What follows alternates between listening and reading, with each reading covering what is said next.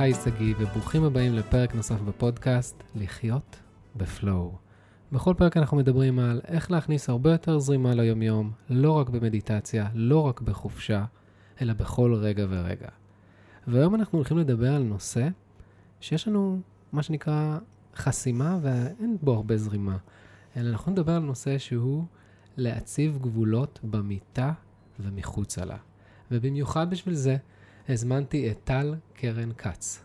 וולקאם טל. נעים מאוד, תודה שהזמנת אותי. איזה כיף. אז אני ככה אציג קצת את טל. אמ, טל היא מנחה בינלאומית לסדנאות מודעות אה, רוחנית. אה, היא חוקרת מעל 30 שנה תהליכי מודעות והתפתחות אישית. היא גם אה, מהנדסת BSc. מ-2010 היא עוסקת בטיפול רגשי ומיני, בנוסף למחקר רב שנים של ריפוי פגיעות מיניות. יס. Yes. Yes.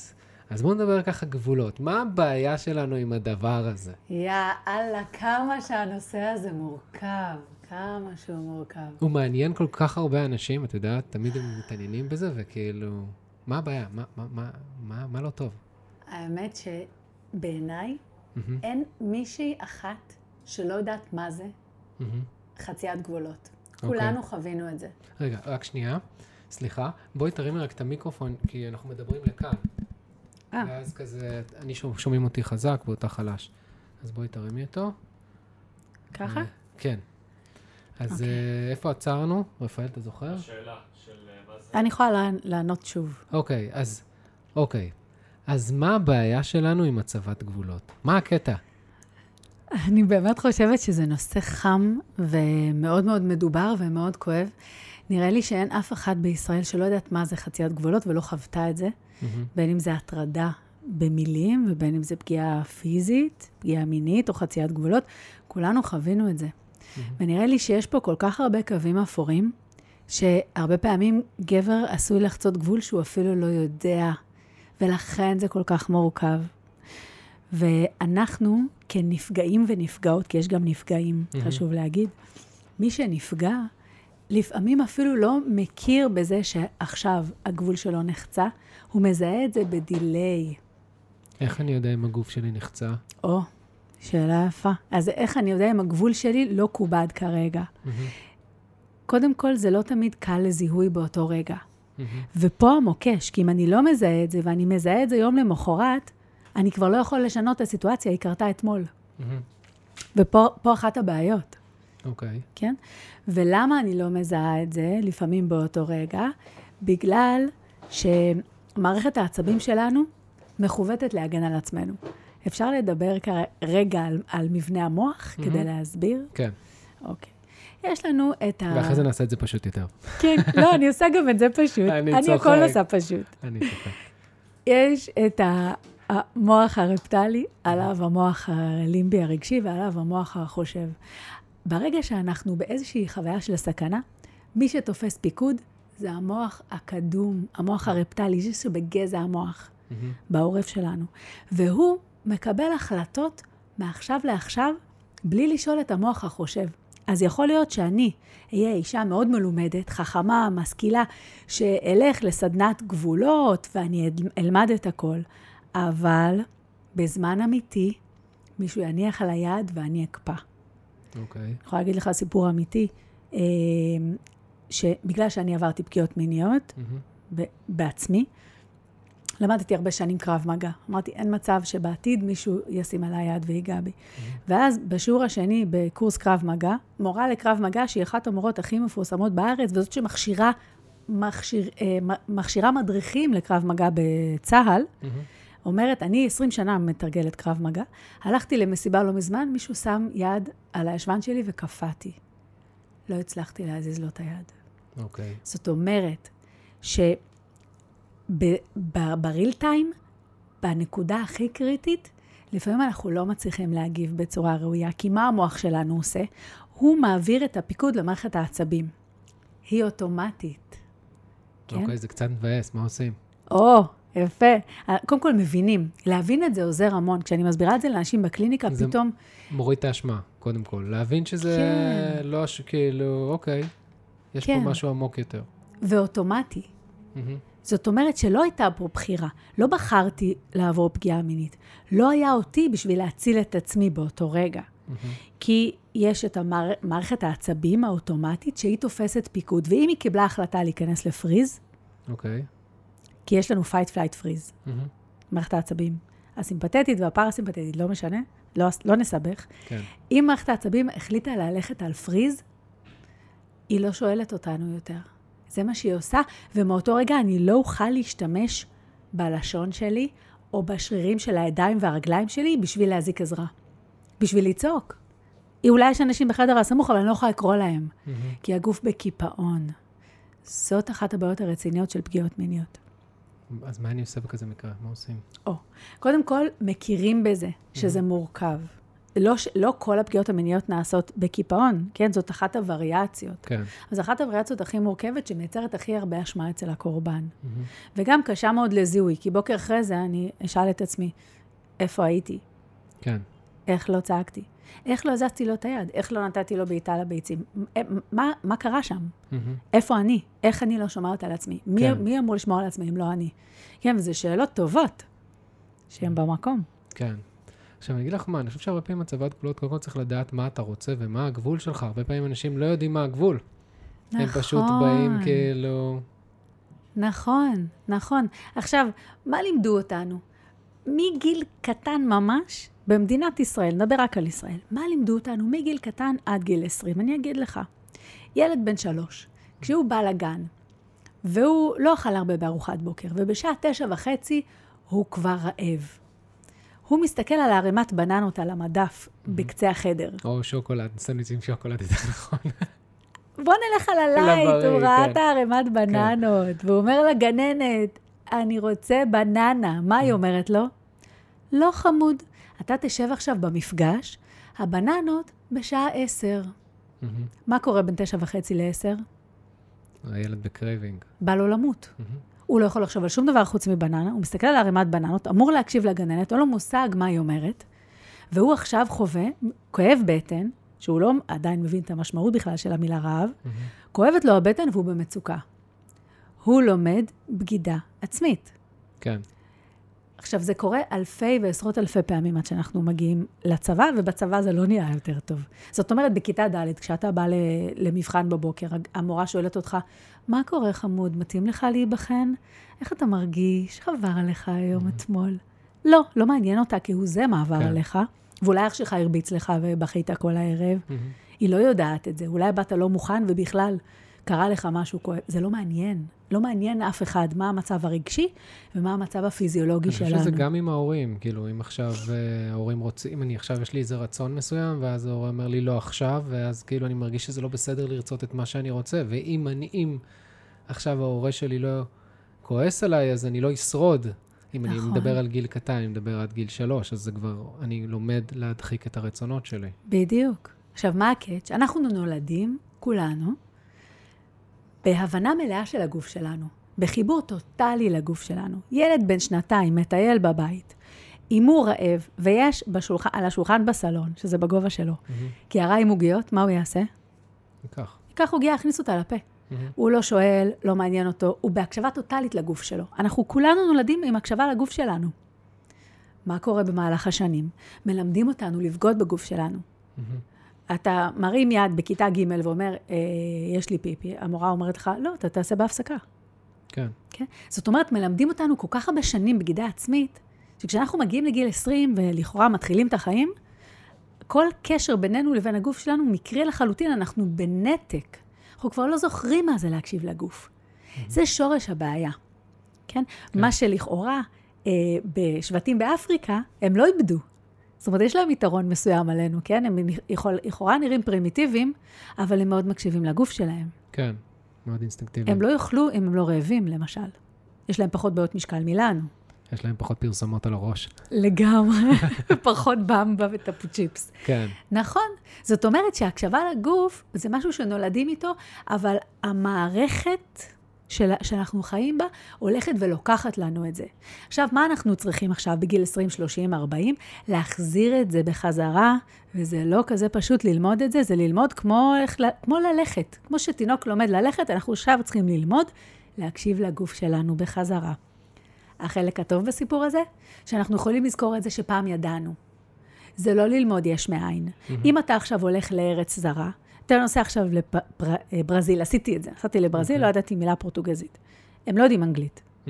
זה קשה ללמוד פורטוגזית מאפס. אבל אם חייתי בברזיל בגיל 5 אה, עד 7, ואני חוזרת בגיל 20 לברזיל, הפורטוגזית תחזור לי. כן. זה אותו דבר. אנחנו צריכים לזכור שידענו מה זה הקשבה לגוף, רק צריך להיזכר. מה שזה אומר, קודם כל לסמוך על הגוף. לא לסמוך על עצמנו, לסמוך על הגוף שלנו שהוא זוכר. כן. אוקיי, אז עכשיו אני סומך על הגוף שלי, מה הצעדים? או, יפה. אז קודם כל, קודם כל, יש uh, כמה דברים שכדאי להבין במה זה להקשיב לגוף. אני שואלת בסדנאות, כשאני מעבירה סדנה, יופי, איך אנחנו הולכות להקשיב לגוף? נגיד, לא מזמן הלכתי בכנס נשים. איך אנחנו הולכות להקשיב לגוף? הן פותחות עליי עיניים, ואין להן מושג. Mm-hmm. כי מה זה להקשיב לגוף? מי זה הגוף? איפה זה? איזה חלק זה? אנחנו כל כך מיומנים להקשיב לראש. כל כך חינכו אותנו לחשוב, להיות חכמים, לנהל רציונליות. ו... יש משפט שלו, שאני לא זוכר בדיוק את המשפט שלו, שאתה מתחיל להקשיב לגוש, לגוף ברגע שכואב לך. אתה מתחיל לשמוע אותו. טוב. כן, כן, יש משפט ממש יפה. נכון. כן. ובאמת, כשכואב לך, זה הגוף מתקשר איתך. Mm-hmm. ורוב האנשים, מה יעשו? ייקחו אקמול. כן, הם ירדימו את זה. כן. במקום להבין שרגע, אני אישית חושב בכלל, כל כאב שיש לנו, או כל רגע שלילי שיש לנו, זה אומר שאני לא בהלימה עם הרצונות שלי. זה אומר שיש איזושהי התנגדות מסוימת, והגוף מסמן לי, עכשיו, אם נתפס לי הצוואר, או כואב לי איזה איבר מסוים, אני צריך לשאול את עצמי, האם אני בהלימה עם הרצונות שלי, האם אני עושה מה שאני רוצה עכשיו. לגמרי. זה כאילו, זה חיבור, זה אינטואיציה מבחינתי. אינטואיציה זה בדיוק לצלול ולשאול את השאלות האלה. והרבה פעמים אנשים נמצאים בסיטואציות חברתיות, ואז הם פשוט נגררים. כולנו. נכון. כאילו, אני אומר נכון. אנשים, כאילו אני זה... כן, אנחנו חיה חברתית. Mm-hmm. כן, אז כשמשהו קורה, הרבה פעמים עקרון העדר ייקח אותנו לשם, לאו דווקא בהקשבה פנימה. Mm-hmm. וכמה אחריות יש? אתה צודק. כמה אחריות יש לאותו בן אדם? וואי, מה אני מתכוון, שאלה כאילו. מהממת. זו שאלה שאני חוקרת אותה הרבה זמן. בגלל שאני חוקרת פגיעות מיניות, אני כל הזמן מנסה להבין. הרי אנחנו קודם כל שמים אחריות על התוקף. תקפת, זה האחריות שלך. כך שנשאלת השאלה, מה האחריות של הקורבן? Mm-hmm. הרי הוא, הוא היה פסיבי בסיטואציה ולא הצליח להגן על עצמו. אז קודם כל, האחריות היא על התוקף. Mm-hmm. פה אין שאלה. כן. מה, ש, מה שכן אפשר לפתוח את הדיון עליו זה מה קורה אחרי זה. מה קורה ביום אחרי? חצו לגבול, לך גבול. Mm-hmm. worst case, מישהו חדר לגוף שלך ללא הסכמה. אוקיי? זה, זה קרה. יום אחרי זה, מה את עושה עם זה? כן? Mm-hmm. זאת השאלה. כן. ויש הרבה מה לעשות. עכשיו אני אגיד למה. קודם כל, להבין למה. מחקרים מראים שכשמישהו עבר, מישהו מישהי, עבר פגיעה מינית בעברו, יש עשרות אחוזים של סיכויים שהוא יעבור פגיעה מינית שוב. אוקיי. Okay. כן, חשוב להכיר בזה. אני רואה את זה כל הזמן בקליניקה. וגם זה יעבור לילדים שלו? זה מעניין, אם בדקו את זה. לצערי, כן. אוקיי. Okay. זה משהו שנקרא העברה בין-דורית. Mm-hmm. אני עוב... ליטרלי עובדת עם משפחות שהסיפור הבין-דורי עובר מדור לדור, הוא לפעמים מדלג דור, עובר מהסבתא לנכדה, אבל עדיין זה לא, לא הולך לשום מקום, mm-hmm. עד שמגיעה מגיעה החוליה שאומרת, it stops with me. Mm-hmm. אצלי זה עוצר, אני לא מעבירה את זה לילדים ולנכדים שלי. ואז זה מה שאני עשיתי בעצם. Mm-hmm. כי במשפחה שלי עברו פגיעות מיניות, ואני אמרתי, אצלי זה עוצר, אין מצב שזה עובר הלאה. והלכתי להמון שנים של טיפול, אמרתי, אין מצב ש... אני חושב שזה גם להתמודד עם הבושה, להוציא אותה החוצה. בטח, זה בושה, וזה אשמה, וזה הלקאה עצמית, ולמה לא דיברתי, ולמה לא אמרתי, איפה אני לא בסדר. Mm-hmm. האם יכולתי למנוע את זה?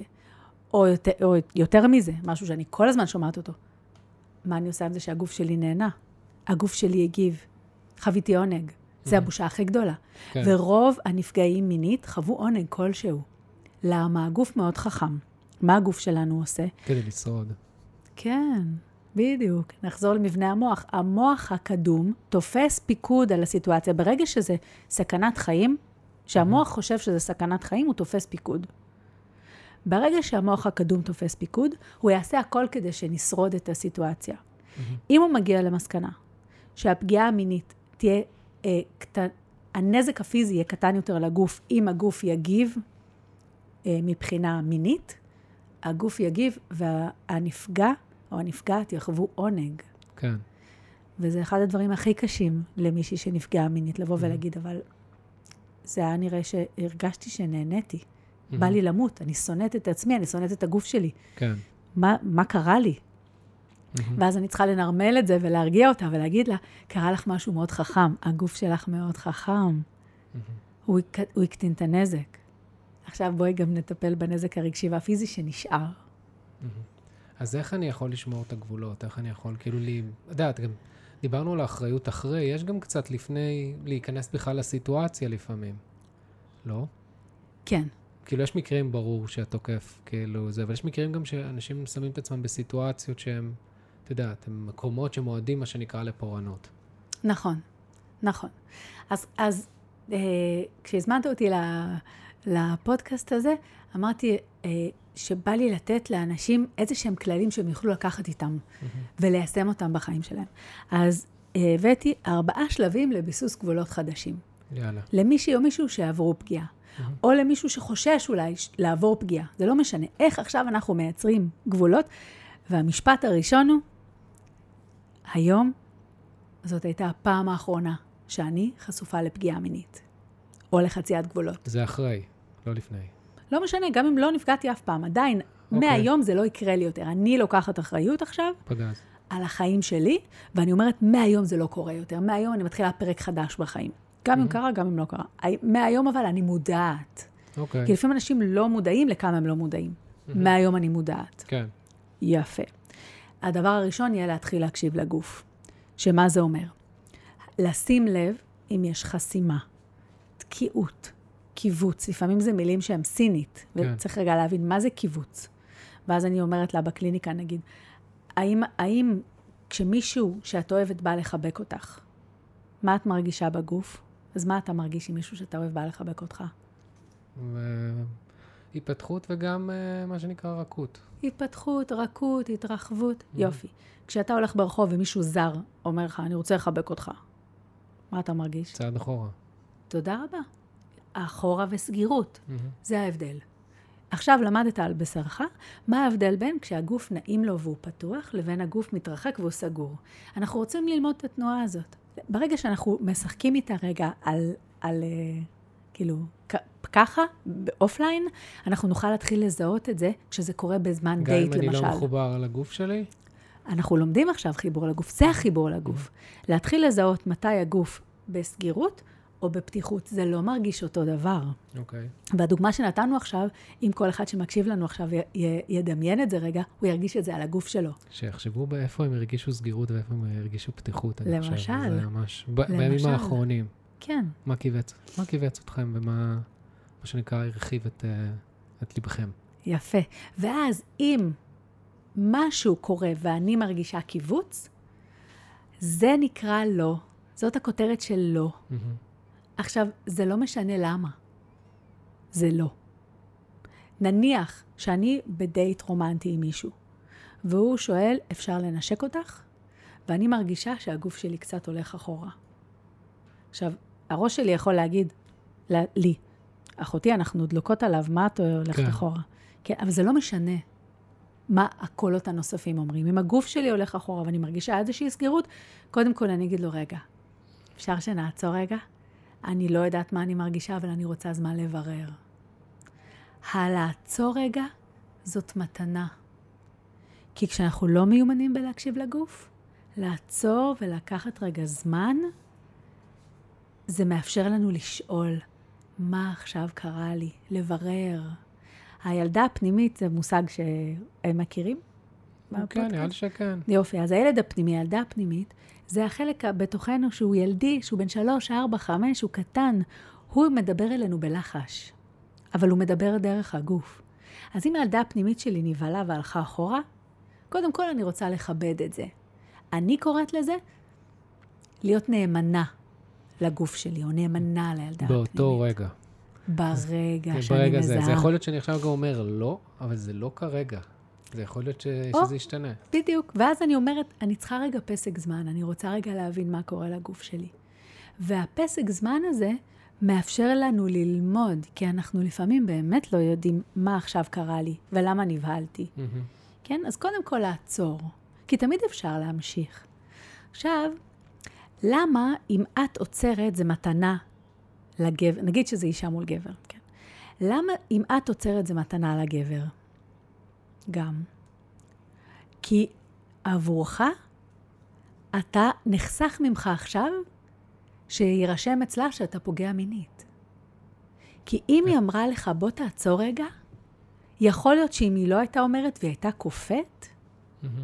מנגנון הקיפאון היה מאפשר לה להתנשק או לא לזוז, והיית מנשק אותה, וברגע הזה הייתה, הגוף שלה היה רושם, יש פה תוקף מינית. זאת אומרת שזו מתנה גדולה גם לגבר, כשאישה אומרת, רגע, בוא נעצור. ואז האידיאל הוא להגיד לה, זה מדע בדיוני, אבל אני עדיין אגיד את זה, תודה שעצרת אותנו. תודה שאת קשובה לעצמך. לגוף. כן, תודה שאת קשובה לגוף שלך, תודה שאת דואגת לעצמך, משהו מהסגנון הזה. ולא לקחת את זה אישי, כל הגברים שמקשיבים פה עכשיו. בדיוק, זה לחלוטין לא אישי, זה מתנה גם עבור הגבר, זה לא רק מתנה עבורך. זה גם יוצר אמון וטראסט, וזה יוצר חיבור הרבה יותר עמוק. נכון. אז כל הצדדים הרוויחו.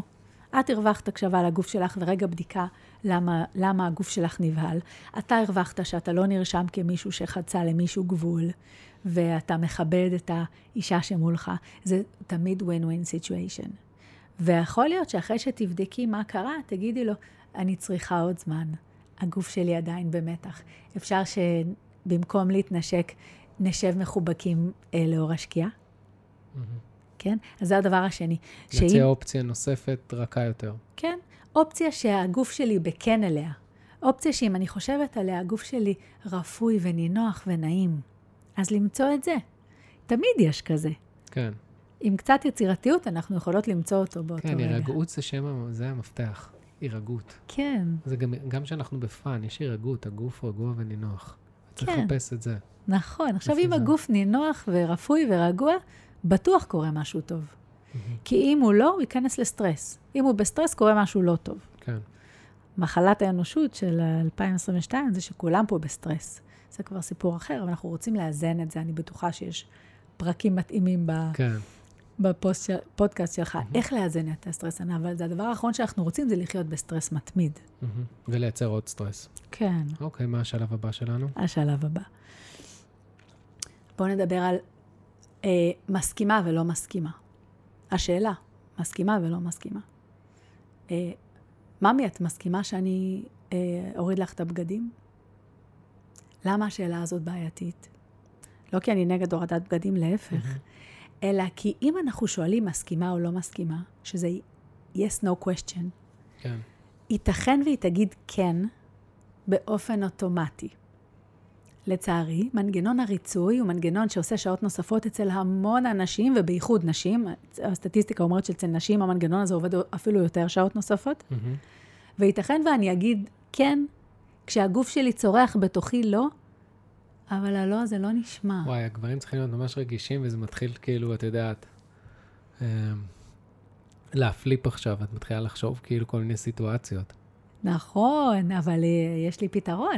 אוקיי. אז במקום לשאול האם את מסכימה שאני אוריד לך את הבגדים, האם את מסכימה שאני אחדור אלייך, אז לא, לא ללכת להאם את מסכימה, כי ההסכמה לפעמים אה, נותנת לנו תשובה שגויה. אנחנו יכולים לשאול את אני השאלה. חושב שבכלל לא צריך, מרגישים גם את הגוף, אם הוא פתוח או לא פתוח, אם הוא רפוי או לא רפוי. מבינה למה אני מתכוון? לא שאני אומר, ברור שכאילו לדבר והכל, אבל אני רק אומר, גם אפשר לראות על הגוף של הבן אדם, של האישה עכשיו, שוואלה, היא, היא סגורה עכשיו וזה לא מתאים. זה לא, הגוף לא אומר, הל יהיה. מבינה למה? ואת לא רוצה בכלל כאילו סיטואציה כזאת. אז בחלק מהמקרים אתה צודק, אבל היו לי מקרים כבר בקליניקה, שהאישה נראתה מאוד מאוד רוצה. ואחרי זה, יום אחרי זה, היא רצתה למות. אוקיי. כי אה, שוב, היא אומרת, זאת את לא הייתה היה התנהגות הגוף שלה. אוטומטית. לא, שאוטומטית הגוף כאילו... כן, כן, הגוף ממש מייצר חוויה שהיא רוצה, מהמם. מתוך כל כך הרבה פעמים שבהם היא על אוטומט. הייתה, בדיוק, הייתה בסיטואציה מינית של ריצוי, הגוף שלה לא מכיר חוויה אחרת. ואני פוגשת כאלה לא מעט.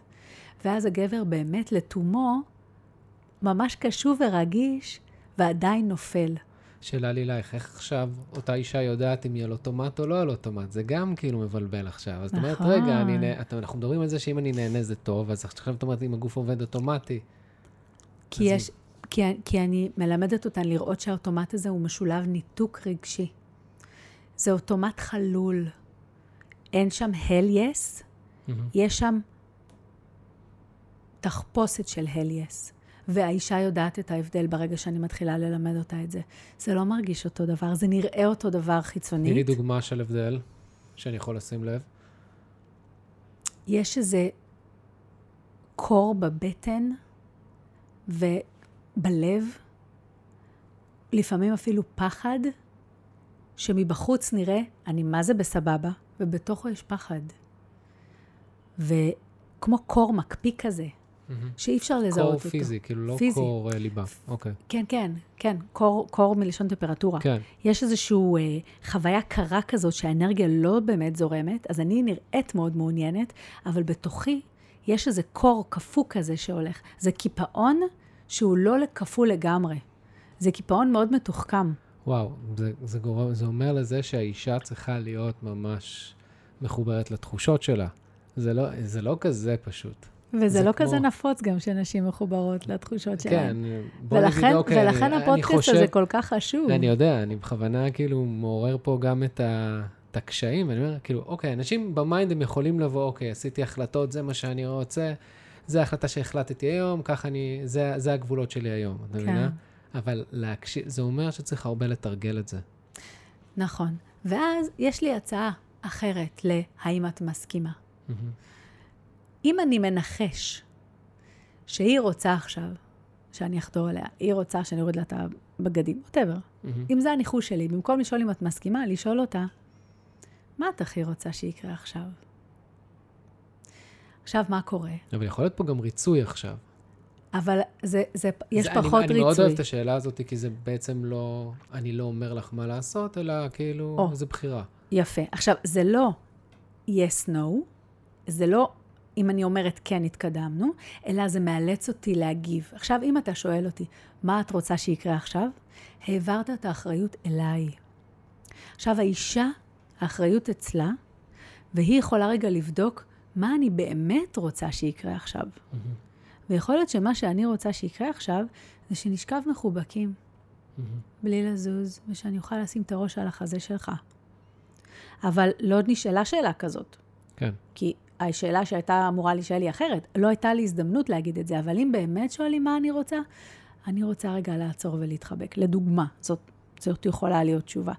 אם, אני, אם התשובה היא, ממש בא לי שתחדור אליי, אז אתה יודע שזה, ש, שקיבלת אוקיי שהוא הכי אותנטי, של זה מה שבא לי שיקרה.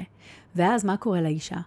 הפה שלה אומר את זה, האוזן שלה שומעת שהפה שלה אמר את זה. ואם היא מרגישה קור, אם, אם היא מרגישה קור, היא לא תגיד את זה. אוקיי. היא תגיד משהו אחר. היא תגיד, נורא בא לי שזה מה שיקרה, רק כשהיא באמת בהל יס. אוקיי. ואז כשכל המערכות מתחברות לזה, החושים מתחברים לזה, גם הפה שלי אומר את זה, גם האוזניים שלי שומעות את זה, יש אינטגרציה אחרת לחוויה הזאת, והרבה לקיחת אחריות של האישה. גם האישה, אני גם, אני רוצה שגם האישה תיקח אחריות על הסיטואציה, לא רק הגבר. כן, וזה עוזר להעביר אחריות, ואז יש אחריות משותפת, משותפת, וזה. הרבה יותר מאוזן. מהמם. כי בסופו של דבר יש גם את האחריות המשותפת הזאת. נכון. מה את אומרת על... אה, רגע, יש לנו עוד עקרונות? או ש... אמ, הייתי אומרת אה, לנשים שמבינות שיש להן חוויה של ריצוי, שהבינו שבעבר היה ריצוי, זה לא מעט מאיתנו, מה, זה כמעט... כל- מהמקשיבות, בואו כל- תודו בזה, אחיות שלי. גם גברים. כן, גם גברים, נכון. אבל במיטה יש יותר מרצות ממרצים. אני לא בטוח. באחוזים, אני לא בטוח. באחוזים אני אומר לך, יש. גברים, כל מה שהם רוצים זה לרצות ולענג, וכאילו, הם ב... יש מטרה, נכון. ואז הם לא נהנים. מבינה למה אני מתכוון? הם עסוקים בדבר אתה הזה. יודע מה עוד גבר אמר לי בקליניקה לא מזמן? הוא אמר לי, שכבתי עם מישהי ובכלל לא רציתי. אמרתי לו, אז למה נכנסת איתה למיטה? הוא אומר לי, היא רצתה, אני לא יכול לסרב, אני לא יודע מתי יהיה הסקס הבא שלי. אז אם מישהי מזמינה אותי, אני, I'm all in, אפילו שבכלל אני, אני לא נמשך אליה. שהגוף לא, כן. אני לא נמשך אליה, אבל אמרתי, מה, היא רוצה, אז אני, אני אשכב איתה. וואו, כן, זה, אני אומר שגם גברים אה, זה. כן. אז כן, גם גברים, אבל אצל נשים זה, זה קצת יותר בולט ויותר יותר, אה, רחב היקפי, התופעה הזאת של ריצוי. לגמרי. אז כדי ללמוד איך להפסיק ריצוי, נשים וגברים, אנחנו רוצים לעשות את התהליך הבא. להתחיל ללמוד מה, אופליין, לא במיטה. לא, לשחרר רגע, כן. לשחרר גם קשר. רגע, אני לעצמי, להתחיל ללמוד מה עושה לי טוב. רגע, אני חושב שיש שלב לפני. מה? להודות שאני מרצה. קודם כל אני צריך להודות בזה ולהכיר בזה שאני, יש לי את התכונה הזאת שאני מרצה, ולא לכעוס על עצמי, ועכשיו מה? וואו, האמת היא שחמלה, אתה צודק, חמלה זה מילת מפתח. כי כמויות הבושה והאשמה שיש לאנשים מרצים הן כל כך גדולות, שזה כמו, זה תמהיל כזה, בושה, אשמה ופחד. וזה ממשיך, זה לופ שחוזר על עצמו. וואי, זה לופ שהוא באמת באמת עושה המון המון נזק, מהמם, ולא באמת מאפשר לנו תהליך של עוצמה והעצמה עצמית. כן, נכון. מהמם, אז אם אנחנו מכירים בזה שנפלנו לריצוי, כן. אז ואנחנו כמו כולם, כמו הרבה מאוד מהאוכלוסייה, כמו רוב הכל בסדר, האוכלוסייה. כן. אז אנחנו יכולים להתחיל לחקור מה עושה לי טוב. מהמם, כן, ממש לתת, ל... אני אומרת למטופלים שלי, עכשיו אנחנו במעבדה. בואי תתחילי ללמוד, מה עושה לך טוב? היא אומרת, אני לא יודעת. אוקיי, מה את אוהבת לאכול? אה, ברור, אה, פסטה בולונז. יופי, מה את מרגישה כשאת אוכלת פסטה בולונז? Mm, זה נעים לי, זה טעים לי בפה, אני אוהבת את הריח, את הטעם, את ה... אוקיי. אנחנו מתחילות ללמוד מה עושה לי טוב, מה מענג אותי, מה נעים לי, מה מרטיט אותי, איזה בגוף. מגע, איזה ריח, איזה טעם, איזה צורה, איזה בגד, איזה צבע, איזה מקום. אני חושב שהרבה אנשים באמת שמרצים, לא יודעים את הדברים האלה, גם כשהם מגיעים למיטה, הם לא יודעים איזה מגע הם רוצים. אני חושב שאני פעם, היו שואלים אותי, מה, כאילו, בוא נשאל איתם, מה אתה רוצה? לא, לא אכפת לי. כאילו, לא ידעתי להגיד, כאילו. נכון. אז קודם כל offline, בלי קשר למיטה, רגע ללמוד מה נעים לי, מה מרטיט אותי, מה עושה לי טוב. אם אנחנו עוברים למיטה, אז אנחנו יכולים לשאול, נגיד לעשות סשן במיטה, שהוא לא, לא בעירום, עם בגדים. לא מגע באיברי עם מין. עצמנו קודם? עם עצמנו עם או עם עצמנו. פרטנר. לא עדיף קודם עם עצמנו כדי אפשר. להכיר? אפשר, מה שזורם, כל אחת מה שעובד לה, מה שעובד לו. ורגע לבדוק מה אני אוהב, מה אני אוהבת. האם אני אוהבת מגע אה, אדמה, שזה כזה מגע מקרקע נוכח? האם אני אוהבת רפרוף, שזה מגע רוח כזה? האם אני אוהבת מגע זורם כמו מים? האם אני אוהבת מגע אש שהוא תשוקתי וכזה, mm, צביטות. ימינס כזה, שהוא מדליק, שהוא מעורר את האנרגיה המינית שלנו? מה עובד לי? האם יש אזורים בגוף שאני זקוקה למגע אחר? האם יש מקומות שמדליקים אותי? לא אברי מין. אני מקווה שאתם שואלים את עצמכם את השאלות האלה. תוך כן. כדי, מה, מה, מה הדבר שמדליק אתכם? איזה מגע אתם אוהבים? תחשבו על זה תוך כדי. נכון. למשל, אני נותנת שיעורי בית למטופלים שלי, לכו, זוגות שאני מלווה, לכו אה, הביתה ותעשו סשן של לחפש נקודות גירוי לא באיברי המין. לדוגמה, חוזרים אליי עם תשובות של מאחורי האוזן, בעורף, מאחורי הברך. בית השחי מאחורי הברך, בקרסול, בין האצבעות של הרגליים. מקומות שאתה לא חושב עליהם כמקומות לגירוי מיני, אבל ברגע שאנחנו רגע מוציאים את האיברי מין מחוץ למשחק, וואלה, מגלים עולם. כן. ואנחנו פה כדי ליהנות. ואז אנחנו רגע מבינים שלא חייבים לרוץ לאיברי מין כדי לייצר עונג מיני. וגם מאוד חשוב לי להגיד, ברגע שעושים את הדבר הזה, יכול להיות שלא תחוו כלום. אז תגידו, אני לא מרגיש כלום. זה בסדר. זה גם זה חלק בסדר. מזה, כי צריך לעורר את הנמביות הזאת של השנים. אז ומה שחשוב, אני אפילו אומר תמיד לכתוב איזה יומן. כאילו לכתוב, אוקיי, איזה תחושה קטנה חשתי היום. וכל פעם זה משתנה. וכל פעם נכון. זה, זה מעורר את הערנות הזאת. זה, המטרה היא קודם כל להתעורר. להתעורר לגמרי. לגוף שלנו. אוקיי. אז, אז, לגמרי. אז התחלנו להתעורר. אז, אה, ואז אנחנו בעצם יודעים לזהות שהגוף שלנו אוהב או לא אוהב אוסף של דברים שאנחנו מתחילים לזהות איפה הגוף שלי בכן ואיפה הגוף שלי בלא. ואז אנחנו לומדים לתקשר את זה. עכשיו, אם אנחנו במערכת יחסים שארוכת שנים, שאנחנו כבר חמש שנים, עשר שנים ביחד, אז לפעמים הפרטנר או הפרטנרית, הם לא יודעים בכלל מה עושה לנו טוב. אני ראיתי המון זוגות כאלו. הם ש... עושים מה שטוב להם. כן, כן, לדוגמה, לא במיטה. איך אני אכין קפה לבן זוג שלי אם אני אוהבת קפה רותח? רותח. אני אכין לו קפה רותח. אולי בכלל הוא אוהב פושר. זה ברור, זה מה שכולם אוהבים. ברור. איך שאני אוהבת, ככה זה הכי טעים, לא? עם הרבה סוכר, אבל הוא אוהב בלי. זאת אומרת שהרבה פעמים אנחנו מעניקים מכוונה טובה את מה שעושה לנו טוב, וזה בכלל לא מה שהפרטנר צריך. הרבה פעמים אנחנו לא רואים את הצד השני בתום לב. אז השלב השני זה בעצם, בשלב הראשון חקרנו את עצמנו, את הרצונות שלנו, השלב השני זה לחקור את הרצונות של הפרטנר. וללמוד הקשבה. ללמוד הקשבה. הקשבה אם... גם לגוף שלהם, כמו שאנחנו מקשיבים לגוף שלנו, לראות, הוא יכול להגיד כן, כמו שדיברנו קודם, אבל אנחנו צריכים להקשיב לגוף. נכון. ואז אולי גם נרצה ללמוד תקשורת. כי אם אנחנו מבינים משהו, אבל לא יודעים להגיד אותו, או לא יודעים להקשיב לצד השני, אז גם זה לא יעבוד טוב. כן, אנחנו רוצים ללמוד איך לתקשר דברים בצורה טובה. אני ראיתי כבר זוגות שלא מדברים. כן. שהם יכולים לדבר על הלוגיסטיקה של מי אוסף את הילד מהגן, אבל הם לא מדברים על הקשר, על, ה, על החיים שלהם, על האינטימיות שלהם, כן? הם לא משקיעים... כי השוטף שוטף, החיים שוטפים. שוטף פסיכי, כי אנחנו עובדים בטירוף, כי הבית הוא דורש, הילדים דורשים, יש משכנתה, סלש שכר דירה. אנחנו לא סוגרים את החודש, נכון? וזאת חוויה מאוד קשה, וזו מדינה כזאת, אנחנו מדינה של סטרס, אנחנו מדינה מורכבת, אבל אנחנו רוצים להישאר לגור פה עם הסטרס, ולהצליח להתמודד עם הדבר הזה ולחזור לאיזון. שם, בעיניי שם המשחק הוא לחזור לאיזון, כן? גם מערכת יחסים לא מאוזנת. כן? עכשיו, איך נדע שהמערכת יחסים לא מאוזנת? נגיד שאנחנו כבר בקשר של כמה שנים, כן? איך נדע שהמערכת יחסים לא מאוזנת? יפה. ואנחנו במקום פוגעני. אז הנה, הבאתי כמה, כמה נקודות שיכולות להבהיר לך או לך שאתה במערכת יחסים לא בריאה. כן? אוקיי. Okay. אוקיי. Okay. למשל, קשה לך לקבל החלטות ואת מרגישה חוסר ביטחון. לאורך זמן, מה שאני אומרת הוא לאורך זמן, הוא כבר כרוני. כן? כשאת מרגישה שהביטחון שלך ירד ואת כבר מעורערת. כן? אוקיי. Okay. שימי לב, את לא במקום.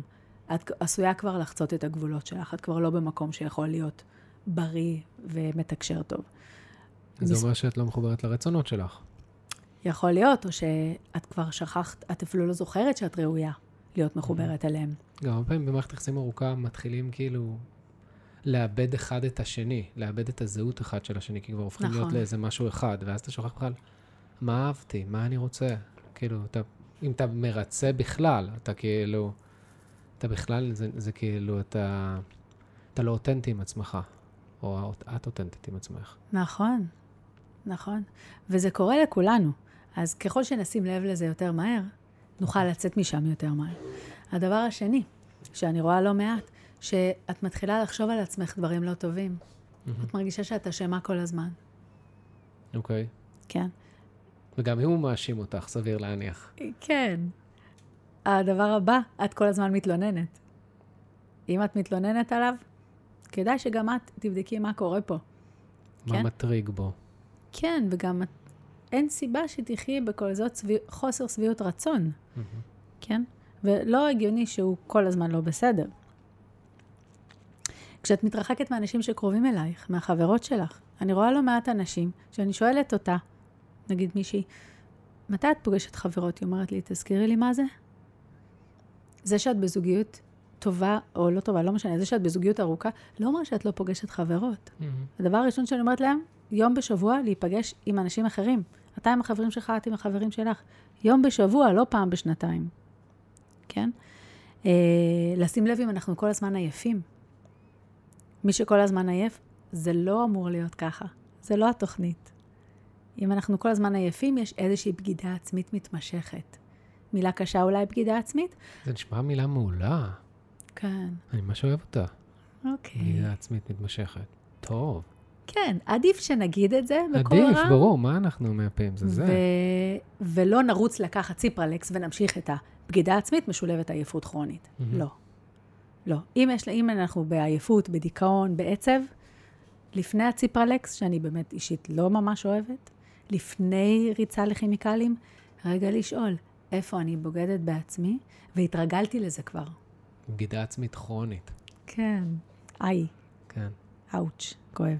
אבל עדיף להכיר בזה שאולי זה המצב. ברגע שאת מתרחקת מהתחביבים שלך ומדברים שאת אוהבת, ואת כבר כמה שנים לא עסקת בשום תחביב, ואז אני שואלת את האנשים, מה התחביב? חי, מה התחביב שלך? וואי, יש לי המון. עמידות ידיים. או, ואתה עושה אבל? כל יום. יפה. שעתיים ביום. אפילו. די, שעתיים ביום עמידות ידיים? ברור. אני באה לשיעור אצלך. כן, לא מורה. אני עוד לא יודעת עמידותי, אבל אני עושה דברים אחרים. אה, אם עלית במשקל ואת רואה אוכל כ- כפתרון, כן? כ- כפיצוי, כמנחם, שימי לב, זה לא אמור להיות ככה. אוכל זה דבר מהמם, אבל אם הגוף מבקש אותו לא בזמן רעב, איפשהו יש מצוקה רגשית שלא קיבלה מענה, כן? אם את, אה, אם את כל הזמן חושבת שאת לא בסדר, או הוא לא בסדר. בטוח זה לא המצב, שמישהו לא בסדר, כן? אז כשיש משהו, ובדרך כלל כשאני נותנת את השמונה שמונה פרמטרים האלו לאנשים, בדרך כלל הם אומרים לי, הם עושים לי וי על איזה שישה או שבעה, כן? לא אחד. כן, אחד זה הגיוני, כן, אנחנו אנושים, אנחנו בני אנחנו אדם. אנשים, אבל הרבה פעמים אנשים מגיע, אומרים לי, אה, אהה, אוי, אה, כן, גם זה. אוקיי. אז זה זמן לעצור, ורגע לשים לב, אני כנראה במערכת יחסים לא הרמונית, אוקיי? וגם במערכת יחסים קבועה, יכולות להיות חדירת, חדירה, של, חצייה של גבולות על בסיס קבוע. ולא ניתן לזה כותרת של אה, תקיפה מינית, ולא נלך לכלא, אבל עדיין זה לא בריא. מהמם. אז, אז- ב- מה, התחלת להגיד משהו? כן, אז במקרים כאלה אנחנו נרצה קודם כל לעצור ולהגיד, וואלה, יש מצב שיש פה משהו לא בריא. עצרתי. זה, פה משהו זה לא בריא. השלב הכי חשוב. קודם כל להודות שיש פה משהו לא בריא, זה כל הזמן שם. כן, כי אם אנחנו לא מודים, אנחנו לא יכולים לשנות. נכון. אוקיי, אני קוראת לזה להרים דגל. אוקיי. כמו שיש דגלים בים, דגל לבן, דגל אדום, להרים דגל שכתוב עליו, משהו לא בריא פה. אוקיי, קשה להודות בזה, יהיה לי קשה להודות בזה עכשיו, אני מדמיין. כאילו, נכון. אוקיי, עכשיו הרמנו את הדגל, מה עכשיו? קודם כל, להגיד לעצמי כל הכבוד שהרמתי דגל. כל הזמן תשבוכות. מהמם. קודם כל, וואו, זיהיתי. אני, זה כבר לא בליינד ספוט, זה במודע. זה חזק. ברגע שזה במודע, יש לי מה לעשות עם הדבר, כי כל עוד לא ראיתי את זה, אני לא יכולה לתקן את זה. אוקיי, עכשיו מה אני יכול לעשות? יפה. אז ככה, צעדים ראשונים לעבר מערכת יחסים הרמונית. אני אתן לך את השלושה הראשונים שהם באמת הקלאסיים והכי חשובים. דבר ראשון, להחליט, מהיום אני לוקחת אחריות על המערכת יחסים הזאת. עכשיו, אתה יכול להגיד לי, למה את? יש פה שניים, it takes two to tango, right? נכון, אבל אני מאמינה שכל אחד צריך לקחת 100% האחריות. לא להגיד, ביחד נפתור את זה. לא, תקחי את 100% האחריות ואתה תיקח 100% האחריות, לעשות פה קשר בריא. רק ככה נוכל להגיע מהר לקשר מאוזן יותר, לגמרי. כן? כי נורא קל להאשים את השני. זוגות מגיעים אליי, מה הדבר הראשון בדרך כלל כשהיא אומרת בפגישה ראשונה? הוא לא עושה ככה. הבעיה וככה. אצלו. אני סבבה. את, איתו את צריכה לעבוד, כן. כן? אז בואו. הוא לא רצה לבוא. זה אף פעם לא נכון שהבעיה היא אצלו, וזה אף פעם לא נכון שהבעיה היא אצלך. הבעיה היא בדינמיקה הזוגית. ואם כל אחד ייקח 100% אחריות, אנחנו נוכל להתחיל לעשות צעד טוב לכיוון משהו בריא, אוקיי. מערכת יחסים הרמונית. אז קודם כל, להגיד, זה הפעם האחרונה שאני חלק ממערכת יחסים לא בריאה, ואני לוקחת 100% האחריות. זה הדבר הראשון. הדבר השני, ואפילו בא לי להכתיב לכם את זה. חשבתי, מה הדבר הבא שהייתי עושה? הייתי כותבת לבן זוג שלי את הטקסט הבא. מי שרוצה שתכתוב. תכ- אוקיי, לא בנהיגה, אבל תכתבו. אה, נכון? כן, לא, הכל לא בסדר. חשבתי על זה. מי שרוצה שתכתוב ככה לבן זוג. אני אוהבת אותך. אתה חשוב לי. הקשר הזה חשוב לי. אני כמהה למערכת יחסים הרמונית. בוא נמצא את הדרך לשם. אתה איתי? מקסים. מקסים. יס. מקסים, אבל אני אומר שוב, צריך להודות. אם לא נודה, לא נוכל לכתוב כזה דבר. נכון, בגלל זה אמרתי שהדגל הוא השלב הוא הכי אשם. חשוב. הדגל הוא השלב הכי חשוב, שאומר משהו פה לא עובד ואני לוקחת 100% האחריות. כן. רק אז אפשר יהיה לעשות את הצעד, זה צעד. אוקיי. לכתוב את הוואטסאפ הזה ואז זה אפשר כבר לראות אם הוא- אם צעד. הוא איתך או לא איתך.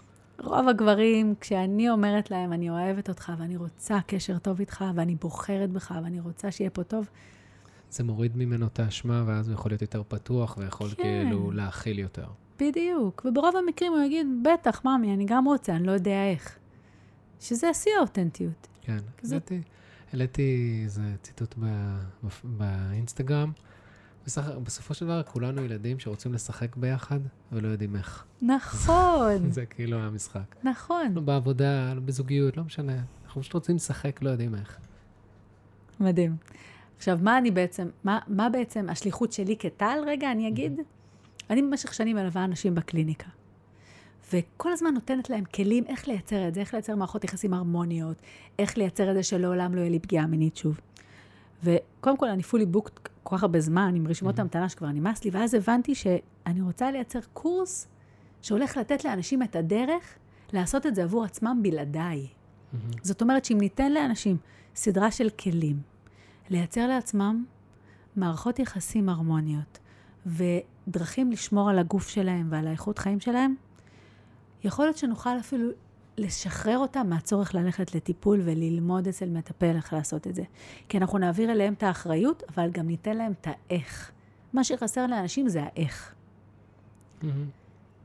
ובעצם אה, זה ממש מרגיש לי כמו שליחות עבורי.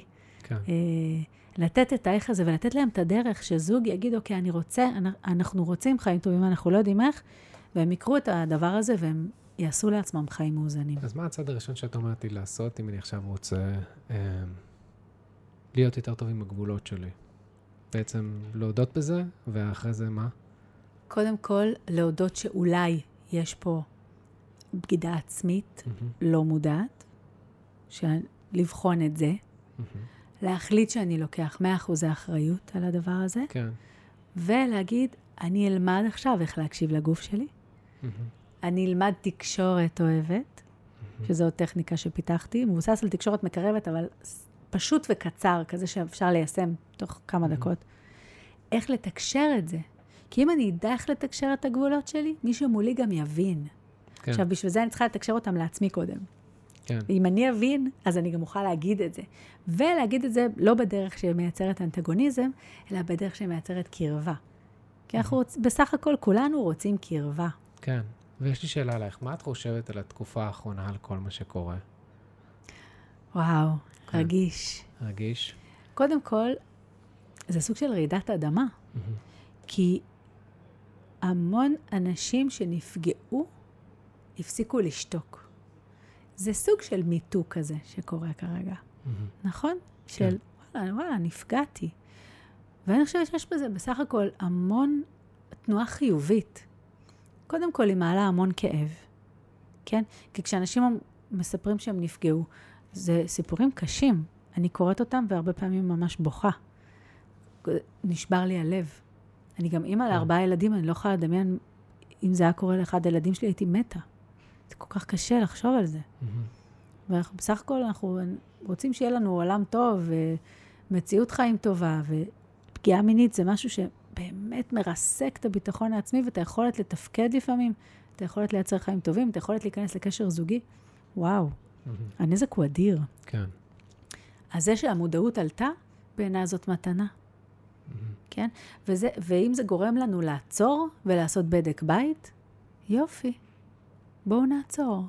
בואו נלמד עוד גבולות, בואו נלמד עוד תקשורת, בואו נלמד עוד הקשבה לגוף. אני שואל את עצמי, האם אנשים רוצים ללמוד תקשורת והקשבה לגוף? את יודעת? אני לא בטוח. אני לא בטוח. כאילו, בכוונה אני עושה את הפודקאסט הזה, כדי, מה שנקרא, לעורר את הדבר הזה, אבל אני לא בטוח שזה מה שמעניין אנשים. Hmm. מבינה את הבעייתיות? אפילו פעם אחת גם רציתי להביא עורכת דין שמתעסקת בתקיפות מיניות, ואז אמרתי, יחד דיברנו, ואמרתי, לא, זה יהיה משפטי, וזה לא יהיה זה, ואני ממש רוצה, אבל אני אומר, אני לא יודע אם אנשים שם. הם מתעוררים רק אחרי שדברים קורים. וגם, זה לא אומר שהם עובדים על הגבולות שלהם.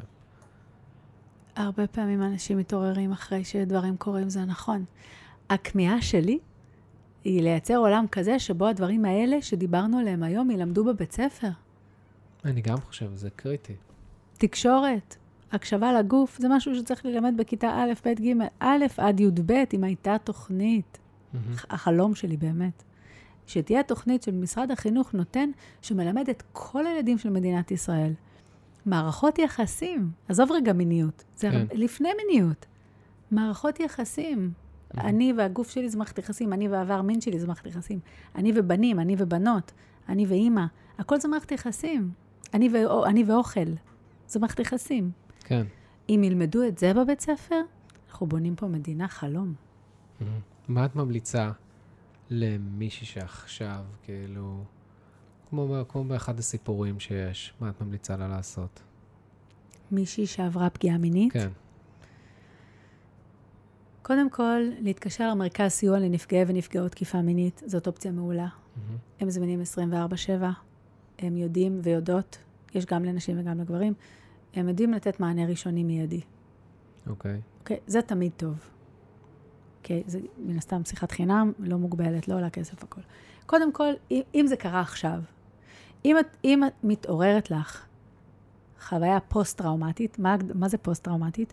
שנגיד נפגעתי בגיל 10, ואני עכשיו בת 25 ועכשיו נזכרת. מהמם. אגב, הסטטיסטיקה אומרת שרוב הפגיעות המיניות שקרו בילדות מודחקות, כי אין לנו כלים להתמודד איתם, ואנחנו נזכרים בין גיל 30 ל-40.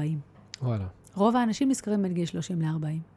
אז אם אני אישה בת 30 ופתאום נזכרתי שבגיל 10 עברתי פגיעה מינית, מרכז סיוע יכ, יכול לתת מענה ראשוני, אבל הם לא באמת, הם, זה לא רשת טיפולית כן. מלאה. אז למצוא אה, מטפל או מטפלת שיש להם הבנה בריפוי טראומות, מהמם. כן? למשל, אני למדתי שיטה שנקראת הקומי, מהמם. שהיא מבוססת ריפוי טראומה, שבעיניי קלאסית לפגיעות מיניות. מהמם. אני עובדת איתה כל הזמן. וללכת למ- למטפל ש, שזאת ההכשרה שלו.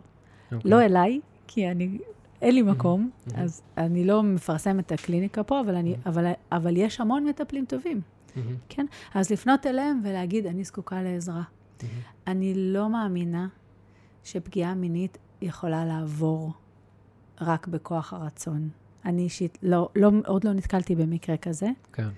אנחנו יכולים להדחיק אותה עם כדורים, עם סמים, עם כל מיני דברים, אבל היא לא תיעלם. ואם אנחנו מנקים אותה מהגוף על ידי טיפול, אז אנחנו נוכל לגדול, להמשיך להתפתח כאנשים בריאים ולא להעביר את זה לילדים שלנו. אוקיי. הבנתי. אז אלה הצעדים. יס. אוקיי. ומה את חושבת שיכול לעזור, כמו שדיברנו, אני חוזר קצת לתקופה של עכשיו, כן. ל- כאילו, אני באמת שואל, האם עושים סדר, האם עושים בדק בית, כאילו, באמת? לגמרי. כן? זה מה? שקורה עכשיו, וזה מאוד מרגש אותי. כן, את חושבת? כן. כי, כי אנחנו נוכל לייצר שדה בריא יותר, מהמם. ש... ששומר על, למשל, יחסי מרות וסמכות. מהמם. שמישהו שהוא בסמכות יהיה מאוד זהיר ורגיש למי שמתחתיו, מי ש... כן? מי שהוא מלמד. זה בעיניי אה, בסיס. אתה יודע שאני פגשתי המון אנשים שנפגעו, נגיד, נשים שנפגעו מינית בצבא, על ידי המפקדים שלהם. זה, זה משהו שאין מודעות אליו. נ, בנות, בנות זה ממש 18, לא מפתיע אותי, כאילו. לא מפתיע, נכון? לא. בנות בנות 18 לא מודעות אפילו איך לשמור על הגוף שלהם, איך להגיד לא. זה נורא מחמיא שהמפקד, הקצין, הסרן, נגיד, בא אליי, זה שאני... קורה בהמון מסגרות. גם חודשיים בבית ספר. למשחק כזה מאוד אקסטרים, כאילו. כן. אז בכל המערכות האלה של סמכות, ברגע שאנשי הסמכות יבינו שיש להם המון כוח בידיים, והם צריכים להיות הכי זהירים ורגישים בעולם, אז, ו, והלוואי, ובנות 18 ו-19 ו-20 גם ילמדו לשמור על עצמם. כן, יש פה אחריות הדדית, כן? ברור שיש את האחריות של ה... האחריות היא קודם כל על התוקף, כן, קודם כל על מי שרוצה לנצל ולקחת, זה ברור. כן? אמרנו אה, שנזכיר איזושהי דינמיקה של מה זה לקיחה. הרי אנחנו יכולים, נגיד, להציע למישהו, אם, אם אה, מישהו מציע לי, אני יכול, אה, אני רואה שאת מאוד מתוחה, אני יכול, אה, את רוצה שאני אעשה לך כיסוי בכתפיים? מה אני עשויה להגיד? יכולה להגיד כן. וואי, יאללה, ברור, מה זה הכתפיים שלי מהמם. מכווצות? למי כן. לא, אגב? כולנו מתהלכים עם איזשהו מתח ב- כן. בגב עליון. בטח, בטח, תעשה לי אה, עיסוי בכתפיים, בא לי. והוא מתחיל לעשות לי עיסוי בכתפיים, ותוך כמה דקות מגיע לישבן שלי. כן? מה הוא עשה בעצם? הוא הציע לי משהו שהוא נותן לי ואני מקבלת. מהמם. בלי לדבר, בלי לתקשר, בלי אינטגריטי, הוא עבר לחוויה של לקיחה. כן? זאת כן. אומרת, הוא עבר מנותן מתנה ללוקח ממני משהו שאני לא לא הסכמתי בהסכמה, עליו, כן. ולא דובר מהמם. בינינו, במילים, בתקשורת. אלו המקומות שהכי אפשר ליפול בהם, מהמם. כשמישהו מציע להעניק משהו ובפועל הוא רוצה לקחת. כן? זה אגב יכול לקרות גם עם אימא וילד, זה לא חייב להיות סיטואציה מינית. נט, כן. שהרבה פעמים אנחנו רוצים להשיג משהו, ואנחנו מרגישים לא ראויים לקבל אותו, לא ראוי, כן. כן? זו איכות מעניינת, מהמם. לחקור מה זה לא ראוי. קודם. כן. אז אנחנו נציע לתת משהו, ואז ניקח במרמה. כן. מניפולציה זה לא להגיד את מה אתה רוצה באופן ישיר. כן, וזה בדרך כלל מאפיין אנשים שהם מרגישים שהם לא ראויים לקבל את מה שהם רוצים. כי מישהו שהוא ראוי לקבל את מה שהוא רוצה, הוא פשוט יגיד straight forward, תקשיבי, את מדליקה, בא לי לנשק אותך. מהמם. דוגרי. כן. יכול להיות שתקבל סטירה, ויכול להיות שתקבל נשיקה, אבל היית אותנטי. בעיניי זה תמיד עדיף מאשר להציע משהו עקיף. זה מתחבר לרצונות, לבטא אותם, להגיד כן, אותם.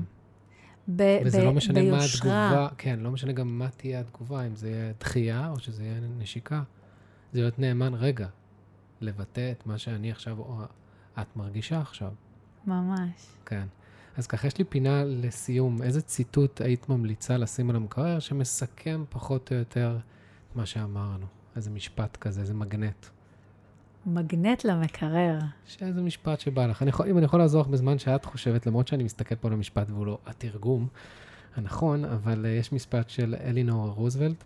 Uh, אף אחד לא יכול לגרום uh, לך להרגיש uh, נוח בלי ההסכמה שלך. נייס. כן.